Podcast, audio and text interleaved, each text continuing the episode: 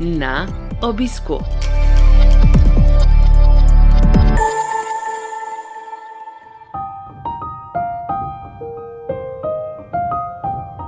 Dobrodošli v novi epizodi serije podkastov na obisku, ki nastaja v produkciji Slovenskega združenja bolnikov z limfomom in leukemijo.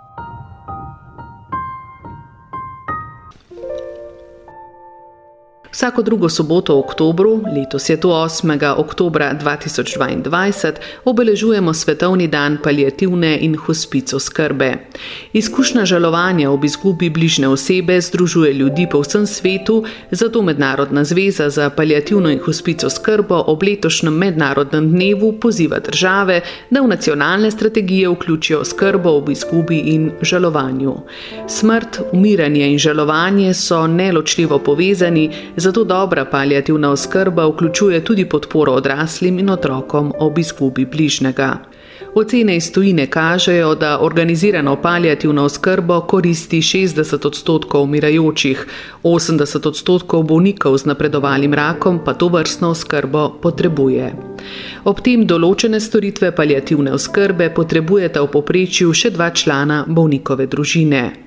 V Sloveniji je leta 2021 umrlo nekaj več kot 23 tisoč ljudi, večinoma zaradi kroničnih neozdravljivih bolezni, zaradi raka pa 6300.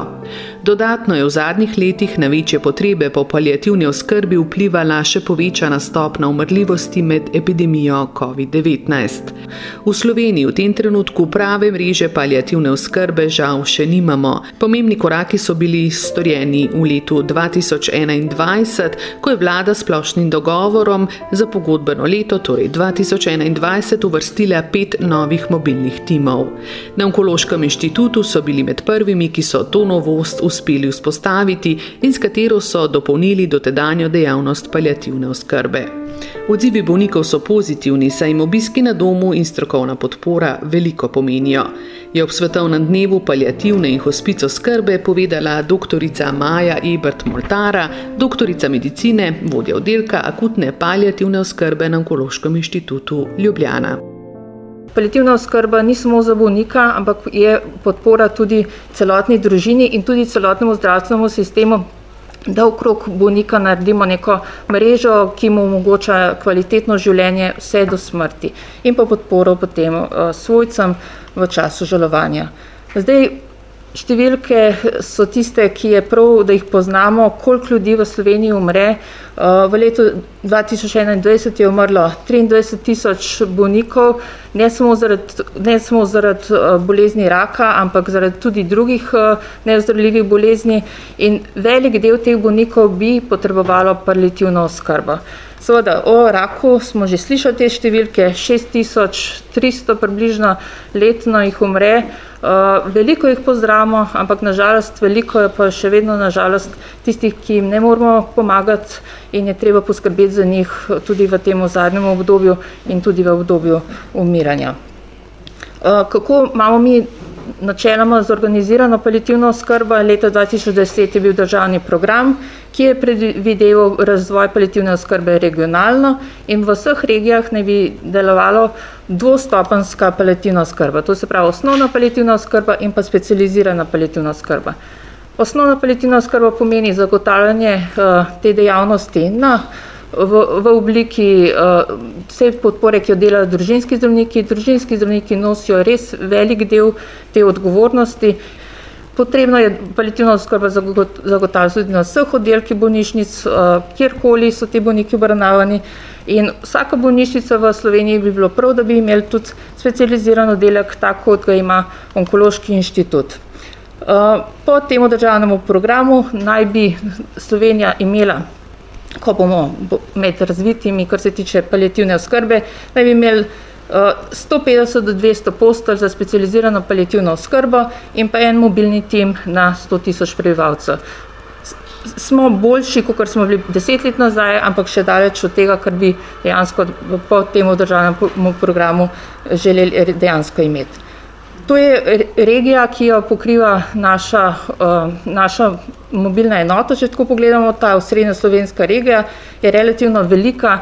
Ne samo, da je velika, je tudi dejansko deluje v centru zdravljenja onkologije. In zato se k nam obračajo tudi bolniki iz vzhoda in zahoda, in zato imamo veliko več bolnikov, kot bi jih predvidevali. Tako da imamo kar velik uh, pul bolnikov. Potrebe teh bolnikov se skozi čas spremenjajo in to je treba dejansko vedeti eh, in vedeti je treba, da je treba skrbeti ne za, samo za bolnika, ampak tudi za svojce, ki skozi čas potrebujejo različne, različno podporo. To se pravi, klele še enkrat povdarjam, palijativna oskrba ni samo zadnje obdobje, obdobje umiranja, to se pravi zadnji dnevi, tedni življenja, ampak palijativna oskrba je mnogo širša. Mi bolnike nekatere obravnavamo lahko tudi leto in več, tako da uh, palijativna oskrba je mnogo širša kot uh, obdobje umiranja. Bolniki imajo različne potrebe, eni imajo lahko zelo kompleksne, eni pa lahko zgolj zmerne potrebe in temu je treba prilagajati kdo vse se vključuje v njihovo v obravnavo. In tako da recimo nekateri bolniki so strani družinskega zdravnika lahko optimalno urejeni, eh, nekateri pa potrebujejo občasne obravnave tudi v specializiranih enotah in to je tisto povezovanje, ki je ključnega pomena v vsej zgodbi. To se pravi, mi bi si želeli, da ko imamo bolnika in svojca, ki imata neko palijativno eh, potrebo, neko jih ocenimo, da imamo seveda družinskega zdravnika in patronažno sestro, ki znata dobro palijativno skrbo osnovno, če pa potrebujete neko dodatno pomoč, kot eh, neko, da gre za neko bolj kompleksno situacijo, da pa je potem v vsaki regiji na voljo mobilna palijativna nota in pa nek 24-urni telefon, kjer se lahko mi med sebojno posvetujemo in pomagamo temu bolniku. Vsaka regija pa naj bi imela tudi neko bolnišnico z, bom rekla, nekaj specializiranimi posteljami, eh, kjer bi te bolnike lahko tudi hospitalno krajše obravnavali eh, in ambulantno tiste, ki so dejansko pokretni in je to za njih eh, optimalno. To, da, da imamo mi akreditacijo, je povedala že naša strokovna direktorica. Vse to je seveda bilo možno zato, ker imamo zdaj že res dolgo tradicijo palijative, od leta 2007 naš, naš oddelek, eh, konziliarno službo, eh, ambulantno dejavnost, ambulantno dejavnost izvajamo dejansko vsak dan v tednu. Ves čas imamo telefonsko podporo že od nekdaj, zdaj v zadnjem času, odkar imamo tudi odprt ta program mobilna palijativna enota na, to, na tole številko, ki je tam le izpisana, uh, je v bistvu smo dosegljivi 24 ur v, v dnevu in 7 dni v tednu. Tako da smo dejansko dosegljivi bolnikom in sodelavcem uh, neprestano za neko konzultacijo. In naša mobilna enota, naš avto, dela od ponedeljka do petka, uh, pokrivamo, tako smo rekli, srednjo Slovenijo um, in približno 50 do 60 bolnikov na mesec uh, uspemo um, pregledati, uh, jih podpreti. Dejstvo je, da bi bile potrebe veliko večje, ampak dejansko imamo trenutno še problem zaradi kadra uh, in to je tisti naš največji problem, zakaj se to, to, to dejavnost ne da še dodatno uh, razširiti. Uh, mogoče klere bi še izpostavila telefonske klice, ko sem prej govorila o 24-urni številki. To so samo podatki uh, v, v zadnjem letu, odkar imamo mi mobilno palijativno enoto. Od lani uh, septembra, ko smo začeli z mobilno enoto, 240 klicev, v prejšnjem mesecu jih je bilo že skoraj 500. Ne. To se pravi, ne gre za telefonski klic, gre za 500 telefonskih obravnav. Se pravi, ena obravnava je lahko tudi, tudi več telefonskih klicev potrebuje. Tako da to se res, ta prepoznavnost se širi, ampak še vedno so pa ljudje, ki pa tega ne, ne vedo, ne poznajo in se tudi potem se jim ne da pomagati ker marsikdo še ne pozna, kaj to je in kaj je v tem dobrega. Marsikdo še vedno vidi tukaj neko stigmatizacijo oziroma ima občutek, da zdaj so me pa odpisali, zdaj pa je vsega konc. Ravno obratno, palijativna oskrba res, res uh, pomaga pri izboljšanju kvalitete življenja, pač ne ozdravljajo bolezni, ampak delamo na tem, da bolnikom in svojcem pomagamo. Trenutno v Sloveniji skupno deluje šest mobilnih palijativnih timov, a po načrtih državnega programa palijativne oskrbe iz leta 2010 bi jih morali imeti vsaj še dvakrat toliko. Omenjeni državni program predvideva tudi 150 do 200 postelj za specializirano palijativno oskrbo, razdeljeno po vseh bolnišnicah v državi. A v praksi delujeta le oddelka v splošni bolnišnici Slovengradec in na Onkološkem inštitutu v Ljubljani, kjer imajo skupaj 15. 15 postelj. No, mobilni palijativni tim Onkološkega inštituta na domu obišče med 50 do 60 bolnikov z rakom na mesec. Z mobilno palijativno enoto želijo podpreti bolnike, ki želijo svoje zadnje obdobje življenja preživeti v domačem okolju, in izkušnje kažejo, da je takih bolnikov in njihovih bližnjih zelo veliko, je povedala strokovna direktorica Onkološkega inštituta v Ljubljani, izredna profesorica dr. Irina Oblak. Pomembno je, da bolniki dobijo ustrezno palijativno oskrbo dovolj zgodaj in na vseh ravneh, saj tako dokazano lahko ohranimo in celo zvišamo kakovost njihovega življenja. Na inštitutu palijativno oskrbo izvajamo na vseh kliničnih oddelkih. Na našem oddelku za akutno palijativno oskrbo, ki je letos obeležil 15-letno Eh, letnico delovanja, pa se poleg specialistične palijativne oskrbe izvaja tudi druge aktivnosti, kot so izobraževanje, raziskovanje, s čimer kot tercijalna ustanova za onkologijo zagotavljamo razvoj palijativne oskrbe po vsej državi. Večina bolnikov z neozdravljivo boleznijo, ki jih obravnavajo v ambulantah družinske medicine, potrebuje osnovno palijativno oskrbo.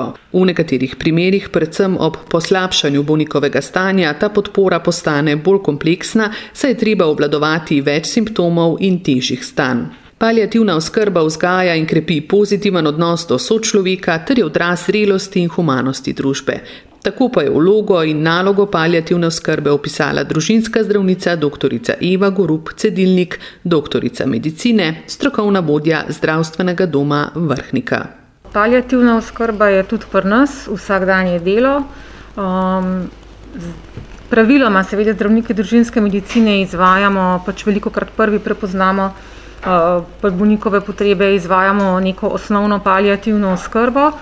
Um, s tem, s svojimi sodelavci, sodelavci. tukaj moram predvsem poudariti vlogo patronažnih sester, uh, ki so veliko krat res ključna oseba, ki pomaga pacijentom in njihovim svojcem pri palijativni obravnavi oziroma pač pri spremljanju pacijenta skozi celo njegovo bolezen um, in brez katerih bi bila pač naša oskrba res bistveno slabša.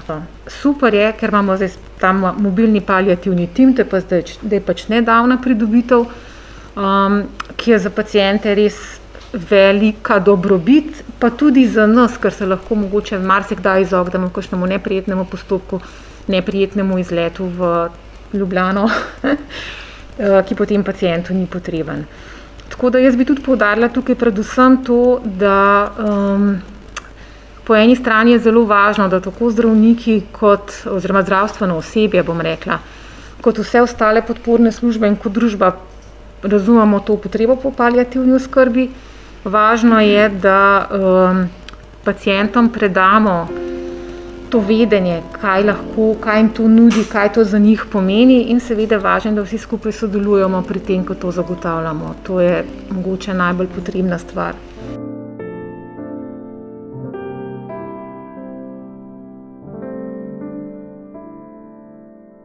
Podcast na obisku sem pripravila Slavka Brajovič Hajdenkumer. Hvala za pozornost in nasvidenje. V našo družbo vabljeni spet čez 14 dni. Naslišanje.